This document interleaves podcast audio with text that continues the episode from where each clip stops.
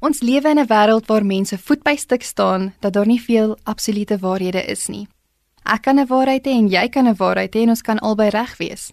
Dit veroorsaak meer opsies, meer standpunte en dalk ook soms meer verwarring.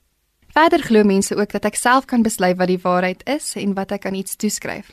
Daar is klaarblyklik nie juis meer iets wat in syself meer absoluut is nie.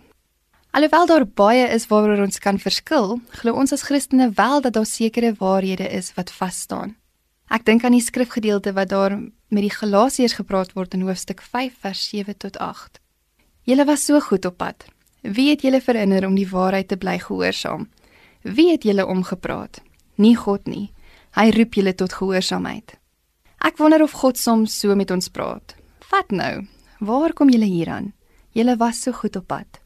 Ek glo dat God met nog meer geduld met ons werk as wat Paulus hier met die Galasiërs werk en dat hy presies weet hoe om ons weer op koers te kry. Maar dat hy dalk vir ons jammer voel dat ons onsself so laat verstrik raak in halwe waarhede of dinge wat ons net net laat afwyk van God se liefdevolle, vervullende roeping.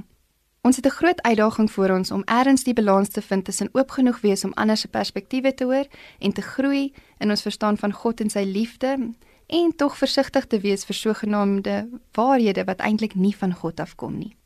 Dalk gaan dit daaroor om gehoorsaam te wees aan God deur ook te toets dat dit wat jy hoor en veral inneem in jou binnewêreld in lyn is met wie hy is en hoe hy werk. Ons kan bid vir die onderskeiding om te kan uitken wanneer dit eintlik 'n persoon se stem is wat net poog om te klink na God en wanneer dit werklik God is wat deur mense praat. Ek onthou advertensies so ruk terug kinders en hulle ma's is na 'n vertrek gebring en die kinders is geblinddoek en hulle moes voel voel hulle eie ma's uitken sonder dat hulle weet waar in die ry hulle staan. Die kinders het hulle ma se reuk en gevoel so goed geken dat hulle maklik sonder om te kan sien of hoor geweet het wie hulle ma's is.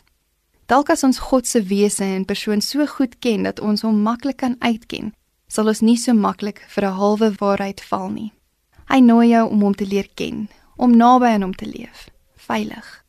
Halwe waarhede kan partykeer so reg klink, soos in die geval van die Galasiërs, maar dit kan lei tot baie seer en onsekerheid. Mag jy in die oefening kom van geestelike onderskeiding soos wat jy God beter leer ken. Here, gee my die genade om U stem te leer ken. Help my om te verstaan en te waardeer dat U my leer om te onderskei wie en hoe U is. Amen.